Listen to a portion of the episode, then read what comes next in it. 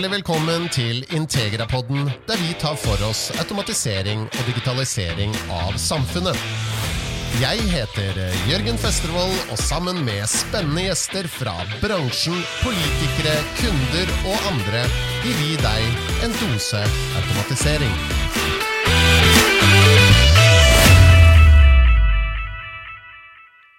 Hjertelig velkommen til Integrapodden og nok en dose automatisering.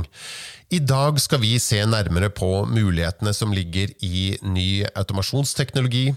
Vi tar en titt inn i krystallkulen for å få et innblikk i fremtidens muligheter, og ikke minst hva som skal til for å komme dit. Og med meg i dag har jeg Erlend Simonsen, teknisk direktør i DNB Næringseiendom, og Trond Mikael Andersen, avdelingsdirektør for teknologi og utvikling, divisjon drift og vedlikehold i Statens vegvesen. Hjertelig velkommen til dere begge to. Takk skal du ha, Jørgen. Takk skal du ha, Jørgen.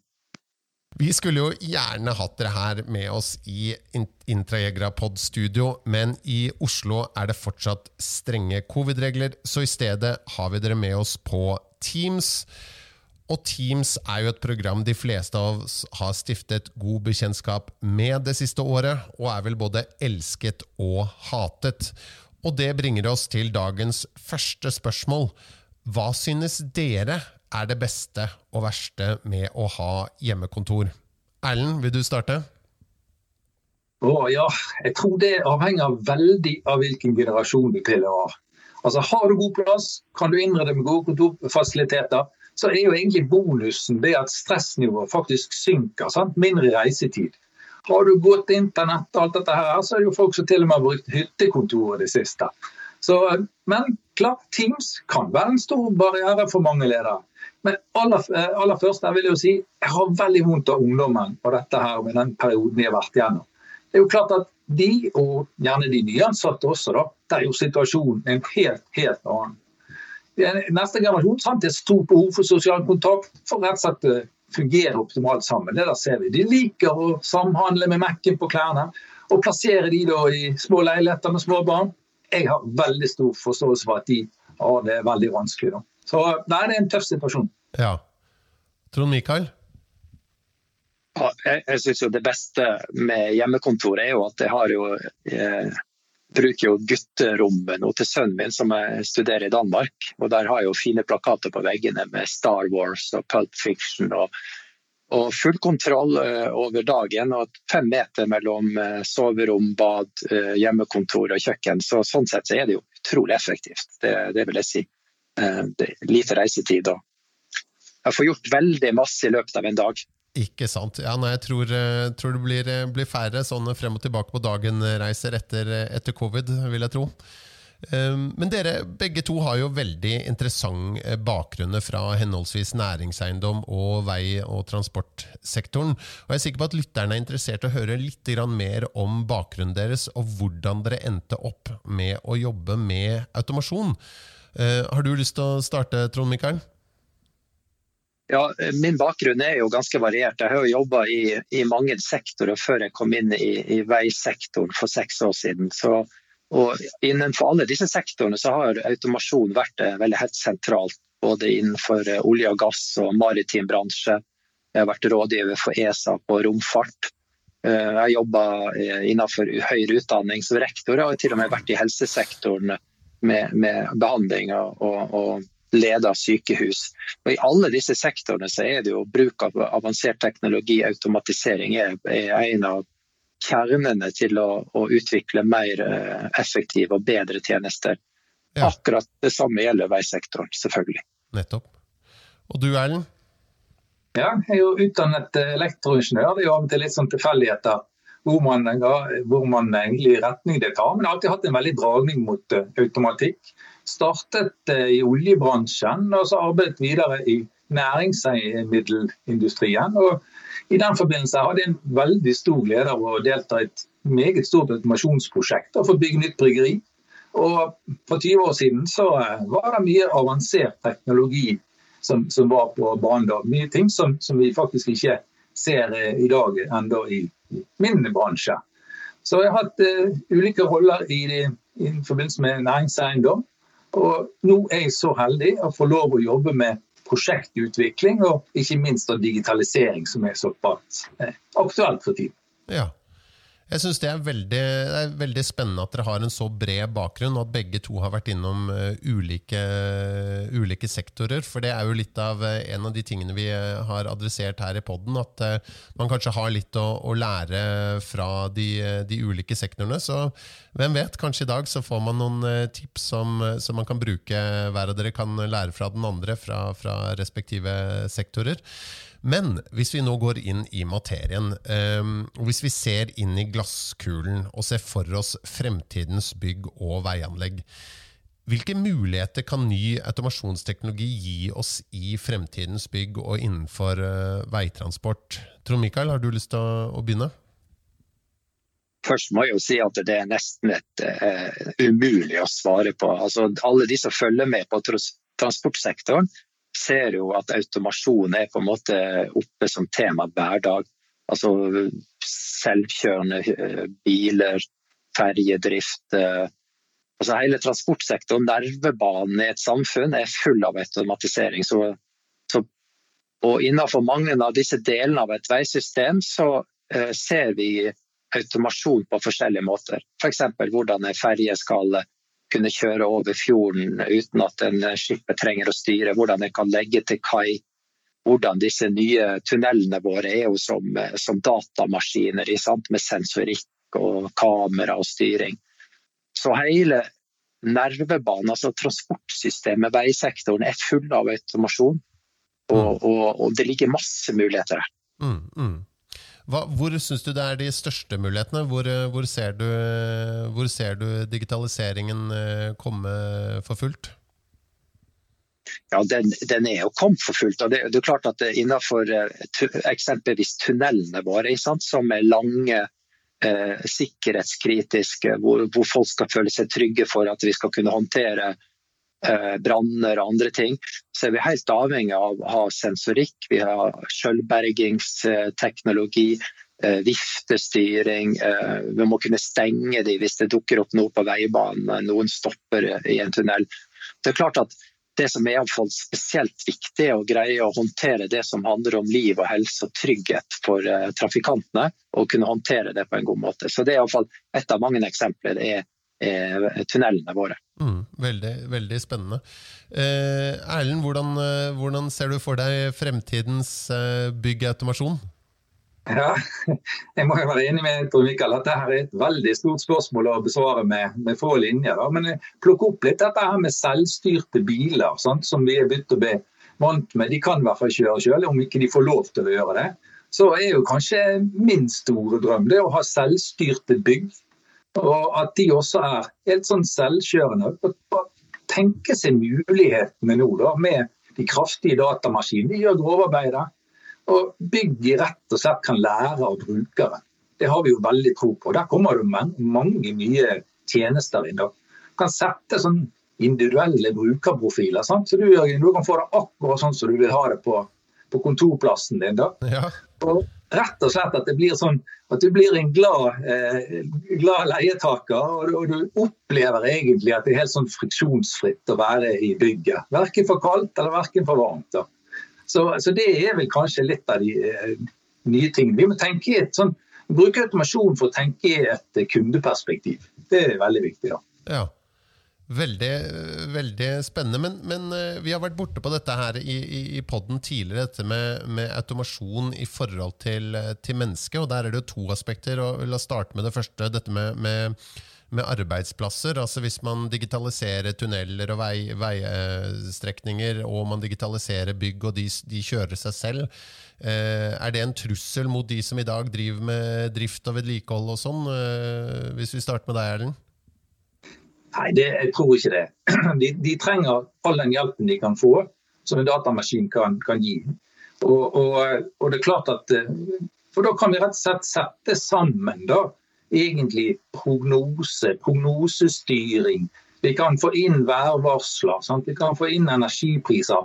Alt dette for å lette arbeidet til den som faktisk skal drifte, drifte bygget. Og da er vi jo inne på disse her gode ordene etter hvert med kunstig intelligens og algoritmer. Det er overbevist om at eh, driftsoperatøren får en, en mye enklere hverdag. Ja. Så Hvis vi tenker litt på, på drømmen rundt dette her, da, så er det jo å komme inn hoveddøren på kontorbyggingen og si ja, ja, hei Google, eller kanskje enda bedre si hei DNB. Slå på lyset i tredje etasje og ha kaffen klar klokken åtte. Jeg mener, Da har du jo virkelig det sett ut bygd. Høres fantastisk ut. Hva, hva, hva, med i veisektoren, Trond Mikael? Er det, er det en trussel mot arbeidsplassene? Nei, altså jeg tenker at eh, Enhver ny teknologi er både en mulighet, men kan også være en risiko. Så jeg tenker at Vi må jo alltid ha i bakhodet eh, ha det og, og, være flinke på å, å teste ut ting og, og, ha en god sikkerhets- og risikovurdering av det. Mm. Men akkurat nå når jeg hører eh, eksempler fra byggbransjen, så tenker jeg at det, når vi var i helsebransjen på St. Olav og bygde opp St. Olav, så var det jo roboter som gikk. og Det, det er jo velprøvd, det er nesten gammel teknologi, disse robotene som kjører rundt på sykehuset og frakter ting autonomt. Mm. Og ber, ber, dem å flytte deg på trøndersk. Eh, når du, så, så i den sektoren så eh, har vi jo dratt det ganske langt. og det, De fungerte jo trygt i et sykehus. Det er jo ganske spesielt. Mm, mm. Og jo... tenker vi, vi, tenker jo at vi kan bruke den teknologien f.eks. på autonome feiemaskiner. Og, og, og, Går det an å tenke seg at vi kan eh, måle tilstander på vei uten at du har sjåfører? Kan vi eh, ha gode førerstøttesystemer for brøytebiler, sånn at det er nesten umulig for de å kjøre utafor? At de hele tida greier å brøyte trygt og godt. Så her eh, er det mange anvendelser som, eh, som vil være nyttig for de som er arbeider eh, på veien, og de som er trafikanter. Nettopp. Det er veldig, veldig interessante perspektiver, og det, det, jeg føler at det går igjen i, i disse dosene. At man, man, man, ser at det er egentlig veldig stort uh, verdiskapningspotensial, og, og, egentlig ikke den store trusselen. Det gjør ting sikrere, bedre, og ikke minst det er jo dette samhandlingen mellom denne nye teknologien og de som skal, skal gjøre arbeidet, som gjør at det, det gjør det ofte lettere. Um, og, og, i forlengelsen av det vi, Det er jo veldig mange buzzwords innenfor uh, automasjonsfeltet nå. altså uh, Erlend, du, du, snakket litt om noen av dem. altså Dette med stordata, AI, IOT. I, i byggbransjen snakker man om proptech. Uh, I industri og, og, og, sikkert i Vegvesenet snakker man om prediktiv vedlikehold.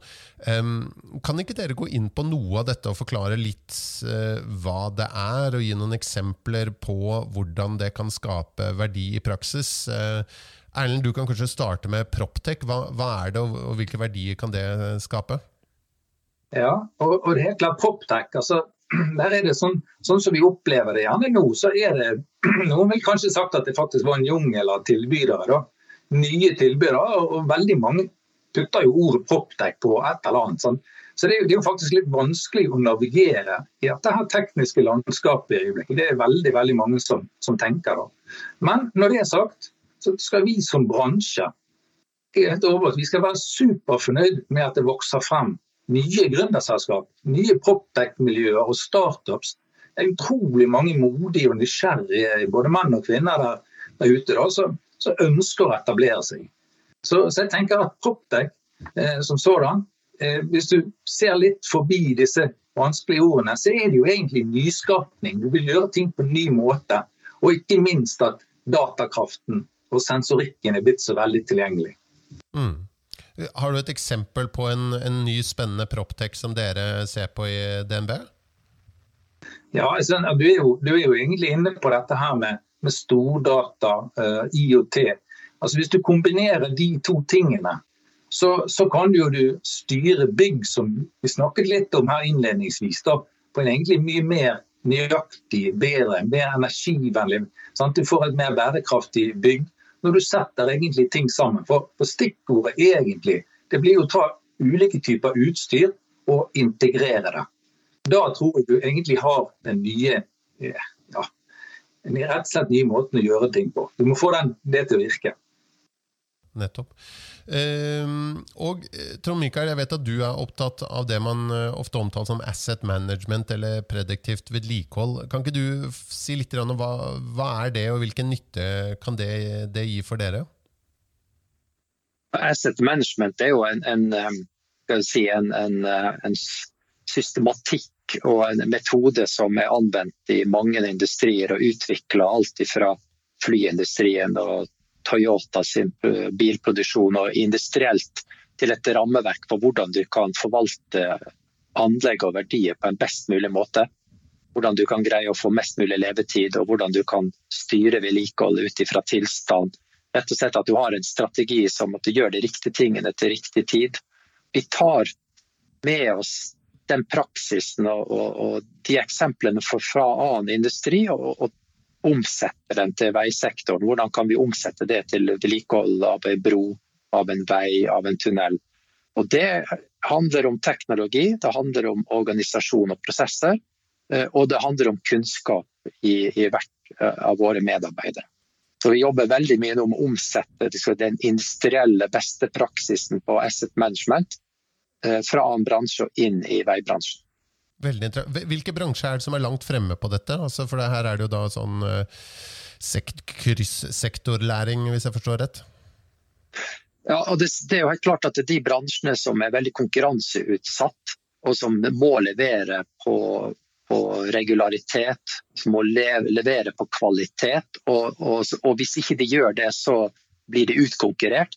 Det er de som har på en måte gått lengst. Og, og olje- og gassektoren, eh, industriell produksjon, eh, kjemiske fabrikker, altså alle de som er konkurranseutsatte, har drevet dette veldig langt. Og Vi prøver å omsette det videre til, eh, til oss, da, som sagt. Mm. Det, det... Der, fra Mikael. Jeg, syns synes det der med industrialisering synes det er veldig bra. Som du sier der, du, du, i din bransje tar lærdom fra øvrig industri. og det er jo klart Akkurat dette treffer jo byggautomasjonsbransjen også. Da. Vi er jo dessverre veldig veldig langt fra en industrialisering. Sånn. Det blir for mye skreddersøm i hvert prosjekt.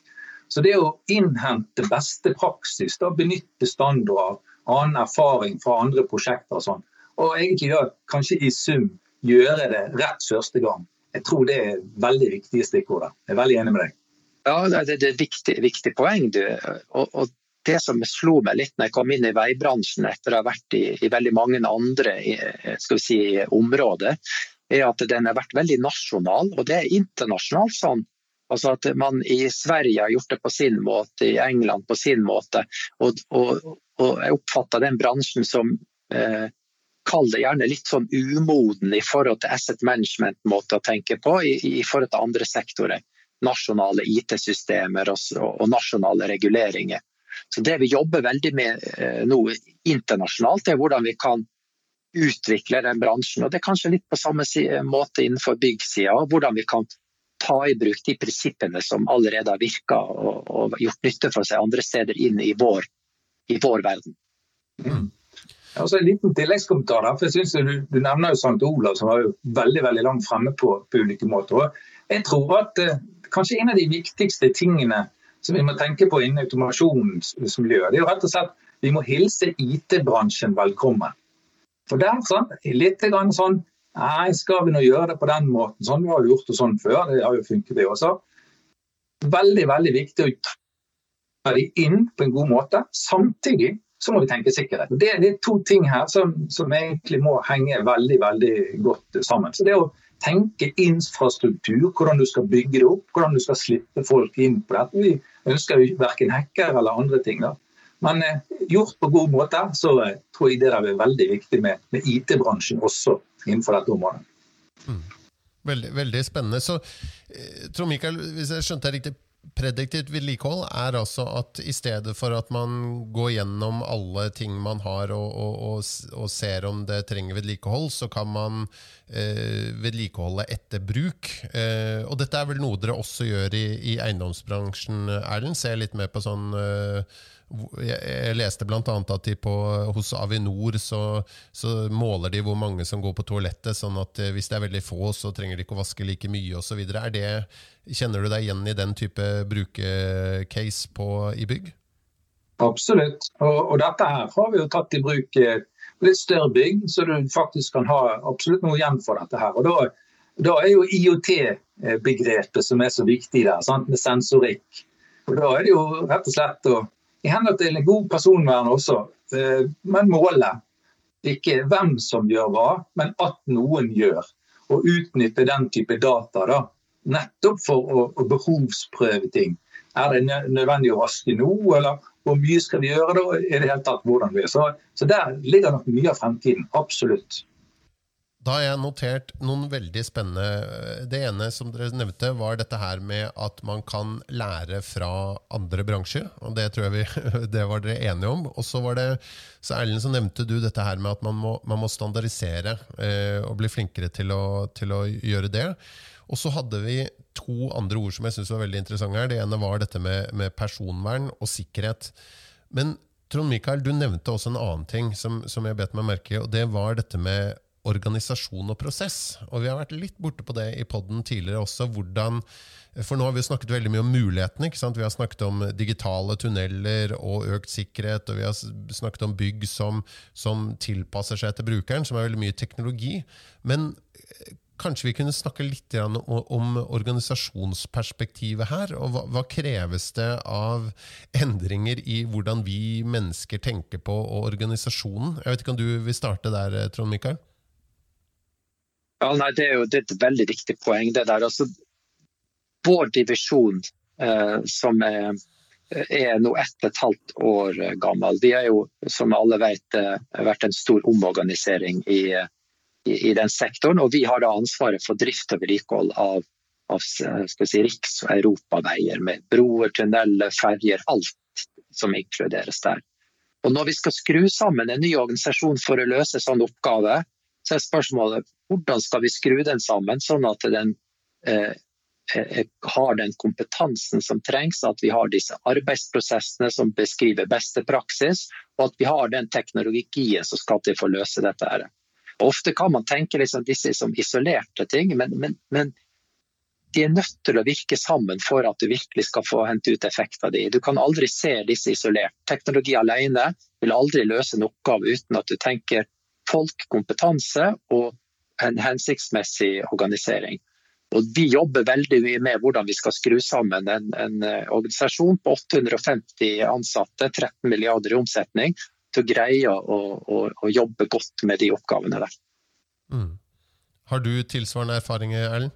Altså, jeg syns jo, jo, det Vi kan godt snakke internt, men jeg syns det er litt sånn tenker bransjemessig så, så, er det jo mange måter å gjøre det på. Men jeg har veldig sansen for måten som det dukket mer og mer opp da, at en, en samles i ulike cluster. Du bringer ulike miljø sammen. Folk som ikke kjenner hverandre fra før, ikke vet hva de gjør, men du ser at det er likheter. Og når du bringer folk sammen på den, så skaper du rett og slett en merverdi. da. Så, så, det er jo en veldig god måte. Og da, da må vi også tenke litt at vi får jo heie litt på de som tenker nytt og litt ut av boksen og gi de rom for å prøve ut eh, ting. da. Det, det tror jeg også veldig på. Det, det, likte jeg veldig, veldig godt. Det å, det å, gi mm, folk mulighet til å teste ut ting. Eh, og det, det, bringer oss over på, på, For nå har vi snakket om disse mulighetene og alt, alt som er mulig. Men hvordan kommer vi oss dit? Hva skal til for å virkeliggjøre en mye mer automatisk fremtid? Hvordan virkeliggjør vi eh, mye mer automasjon i, i veie- og transportsektoren? Hvordan virkeliggjør vi bygg som, eh, som styrer seg selv? Hva, hva, hva mangler, og hva, hva, skal til for at vi, vi kommer dit eh, de nærmeste årene? Erlend? Ja, det, er et veldig, veldig godt spørsmål og kanskje litt vanskelig å svare på. Men en av de viktigste oppgavene som vi har nå i dag, da, altså vi må nå vi må passe på å tilgjengeliggjøre løsninger som passer inn i den fremtiden vi ser. For, for, for det er klart at det, jo, det, må passe inn litt sånn timingmessig, og, og, og, vi må forberede oss Vi må tenke, tenke hva som, som, kommer. Så Vi må rett og slett gjøre for byggautomasjonsbransjen må gjøre en litt sånn future proof, rett og slett. Og, og, kanskje hvis vi tenker på den måten der, så kan vi gjerne si at gjerne om en tiår, eller gjerne før, da, så oppgraderer vi gjerne software-systemer og den type ting. Men hardwaren sånn, den kan kanskje, for det er der også kostnadene ligger, så ser vi at den er kompatibel med nye måter å gjøre det på. Og da kan jo den faktisk leve gjerne fem år mer enn du hadde tenkt. Det er særdeles bærekraftig. Mm. For det, kom, det kommer til å bli viktig. For jeg tror nok det at vi, vi, er nødt til å tenke at de fremtidens løsningene som vi, vi ser på, vi kan ikke løse det med, med det vi kaller gårsdagens teknologi. Nettopp. Eh, Trond Mikael, har du noe å legge til? Nei, altså det, det, det, som jeg ser nesten hver dag, så får jeg henvendelse fra selskapet som har en eller annen smart teknologi, en, en smart robot, en smart sensor som de ønsker å prøve ut. Så Sånn sett vil jeg si at uh, verden er jo full av muligheter. Det som er jobben, er jo evnen til å kunne velge å kvalifisere og teste ut og implementere det som, som er mest nyttig for oss. Å kunne velge mellom alle disse mulighetene. Og Det ser vi som en av den store jobben framover. Virkelig å få, få, valgt de riktige teknologiene, få standardisert og implementert det. Og, og det som er, som er, jo interessant, at i, i, NTP og budsjettsammenheng så jeg tror jeg første gang vi har fått inn en, en, en kostnad som handler om redusert levetid for infrastrukturen vår. Og, og det er faktisk litt kobla til automasjon og, og sensorikk og den biten, som har tradisjonelt kortere levetid enn asfalt og betong og det som har vært det solide, levedyktige veisystemet. Det er faktisk noe som blir dyrere å vedlikeholde og som må byttes ut oftere. Og som blir, fordi du får et mer intelligent og automatisert transportsystem. Og Det er litt nedsida. Det må byttes ut fortere enn vi må bytte ut betongen. Nettopp. Ja, det, er en, det er en interessant problemstilling. Um, men Trond Mikael, jeg, jeg, oppfatter at du, du, jobber jo mye med FoU og innovasjon. og sånn, og hvilke, i, Hva er det dere jobber med akkurat nå? Hvilke, hvilke utfordringer er dere søker å løse nå på kort sikt eh, eh, i de prosjektene dere har, eh, har, gående nå? Vi har vel i dag en, eh, i vår divisjon en portefølje på 30-40 ulike prosjekter sammen med universiteter og andre en av de kan f.eks. handle om, om, hvordan vi kan sikre bedre framkommelighet og drift og vedlikehold av gang- og sykkelveier. Noe så enkelt som det, At ikke folk faller utenfor et sykehus eller detter på sykkelen. At vi greier å drifte den delen av systemet på en god måte. En annen handler om digitalisering av hele veikroppen. altså Hvordan vi kan simulere levetid for en vei med ulike materialer og, og materialtykkelser. Og, og, mye bedre optimalisere et, et vei, design. Så er det innenfor asfalt, det er innenfor ferjeteknologi. Så vi har egentlig eh, en stor portefølje av forskjellige typer fagområder som i porteføljen i dag. Ja. Erlend, har dere noe, noen sånne innovasjonsprosjekter dere tester ut i DNB? Ja, absolutt. Vi er jo så heldige for lov å være med i et, et prosjekt sammen med Sintef som akademia og en fremoverlent eh, automasjonsleverandør og, og Det er jo et fireårig prosjekt. der vi, Det var jo et stikkord her i sted, med prediksjon og maskinlæring og de tingene der. Så eh, ekstremt lærerikt. læring. Vårt store bidrag er det å få bygd dataene frem, og en kan jobbe med dem. Og så få testet dette her ut da, for hvordan fremtidige løsninger, nye styringssett rett og slett for, for byggene. Så eh, det skjer utrolig mye innenfor dette her med AI og maskinlæring. Ja, men du Erlend, det, det, er litt interessant, for da vi snakket sammen litt i forkant av denne, denne podkasten, så fortalte du at eh, når dere bestiller nye bygg og skal få prosjektert det, så mot, mottar dere ofte litt sånn eh, copy-paste fra tidligere prosjekter. Og hvordan skal man da bevege seg inn i fremtiden med disse selvstyrende byggene og, og all den herlige teknologien, hvis prosjektene stort sett baserer seg på copy-paste fra fortiden? Ja, det, det kan være en eh, en utfordring, akkurat det, akkurat det der. For, for, du må, På den ene siden så må du tenke på at du må velge en løsning som mange har brukt, eh, mange har testet ut, som du vet virker. Altså Det er jo egentlig sånn, sånn du skulle på en måte gjort neste valg. Men samtidig da, så da vet du jo det at det anlegget da, det må du antageligvis skifte ut mye fortere enn du helst bør. Og med de kostnadskonsekvensene som, som det vil være. da. Så eh, vi må i hvert eneste prosjekt vi, vi gjør, alltid prøve å søke en ny måte, ny teknologi, ny måte å gjøre det på, på en sikker eh, og god måte. Ikke ta de store risikoene, men alltid være liksom opptatt av å komme litt videre. Mm. Eh, Trond Mikael, du nevnte Vi snakket litt om, om, om sikkerhet. Eh, hvor viktig er det i det arbeidet dere gjør nå? Altså sikkerhet i forhold til automasjonssystemer og sånn? Det er jo selvfølgelig helt fundamentalt.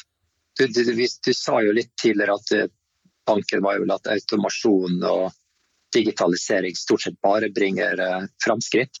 Det er klart at Dess mer avhengig du blir av de systemene, hvis de virker feil, Eksempel hvis du har en hendelse i, i, en tunnel og sensorikken ber de, de som er i tunnelen gå feil vei, sant? mot brannen eller mot gassen istedenfor andre veien, så kan du eskalere en situasjon. Altså, da kan de være medvirkende til å, å gjøre en situasjon mer kritisk enn uten sensorikk og automasjon. Så Den kan virke for oss, og det er det den skal, men den kan også virke mot oss hvis ikke vi vet hva vi gjør og designer dette her på en god måte. Det er klart at det, det er kjempesentralt å få dokumentasjon på kvalitet og på at alle mulige feilscenarioer er tenkt på og håndtert. På samme måte som olje og gass, eller i romfart, eller i kjernekraft eller andre steder. Ja, så Sikkerhet er viktig. og Ellen, Du nevnte et annet uh, sikkerhetsaspekt, nemlig dette med personvern. Er det, er det noe dere, dere, også har med dere inn i disse prosjektene?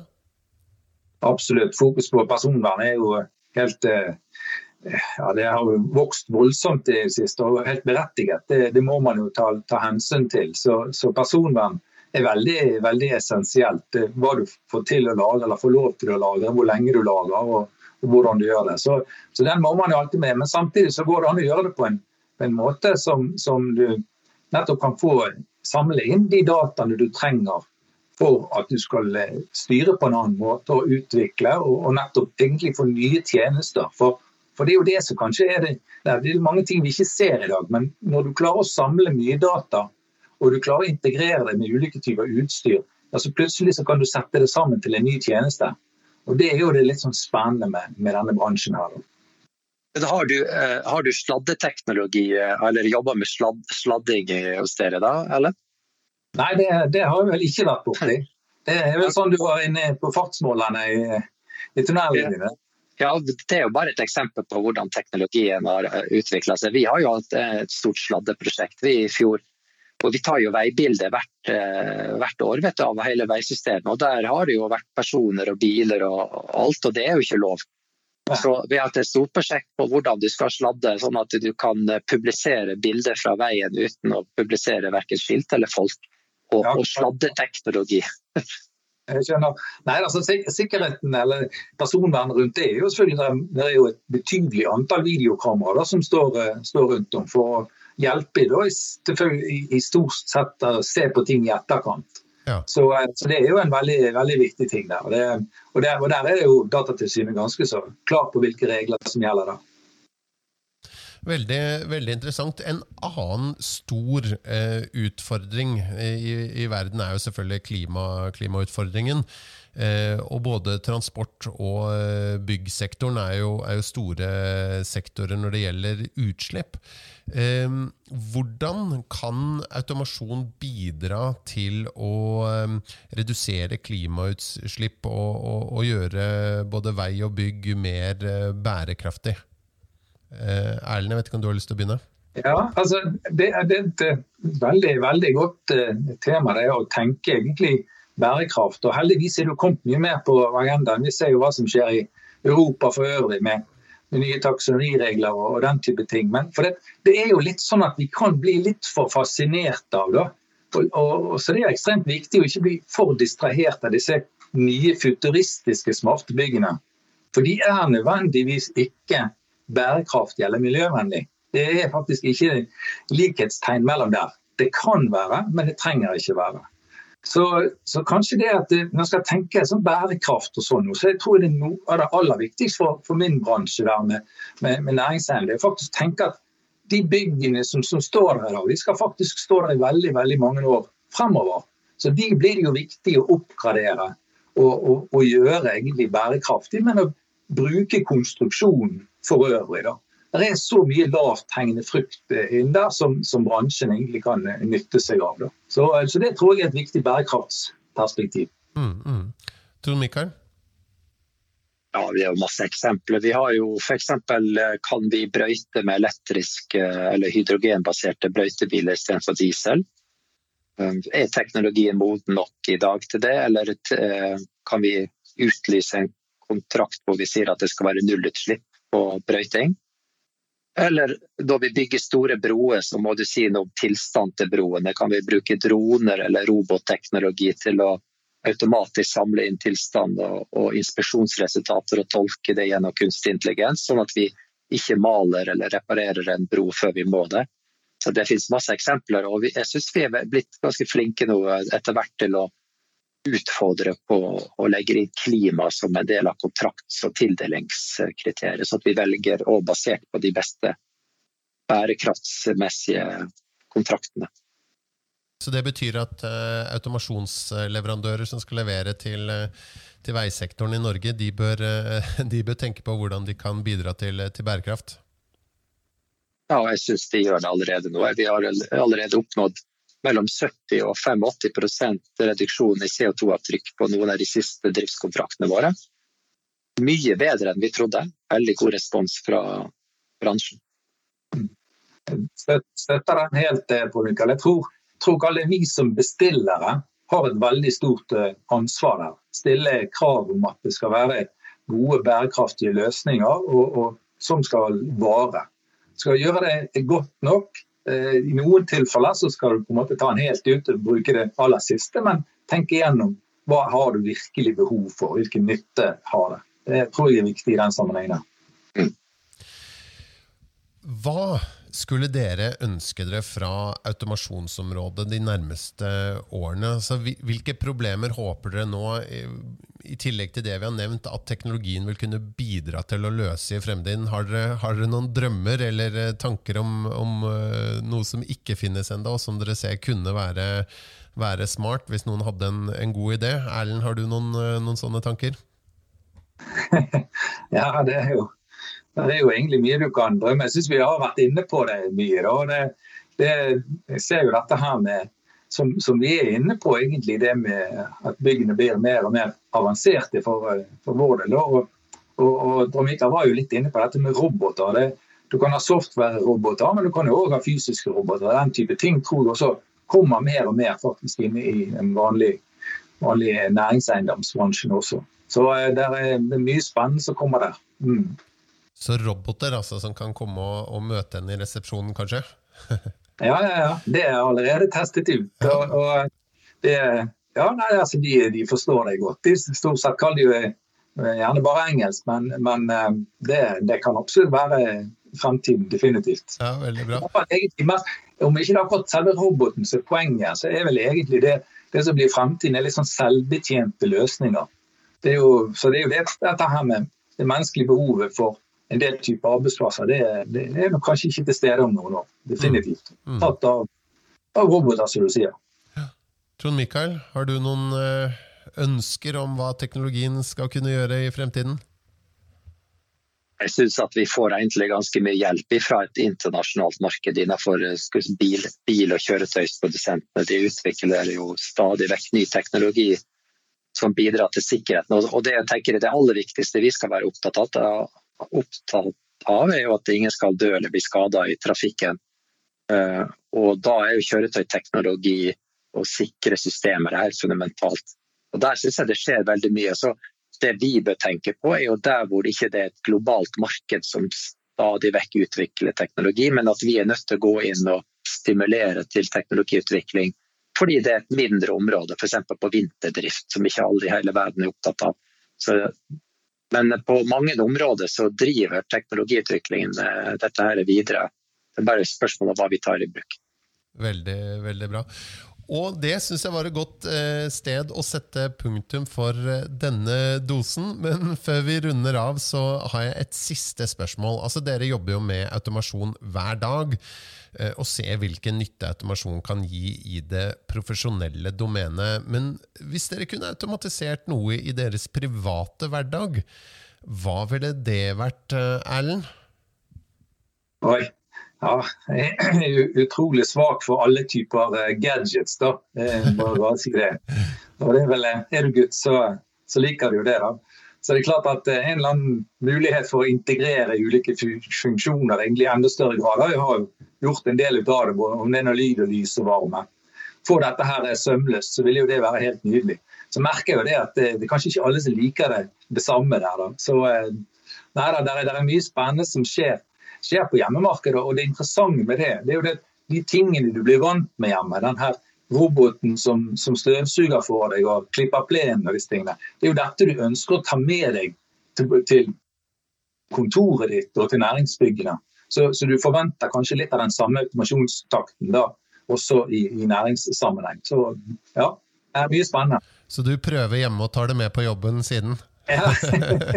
ja, ja, jeg tror egentlig det kan, gjerne si det sånn i, litt i småskala på en del. Absolutt. Veldig bra. Mm. Trond Mikael, har du noen, eh, noen ting du skulle ønske å automatisere i din hverdag?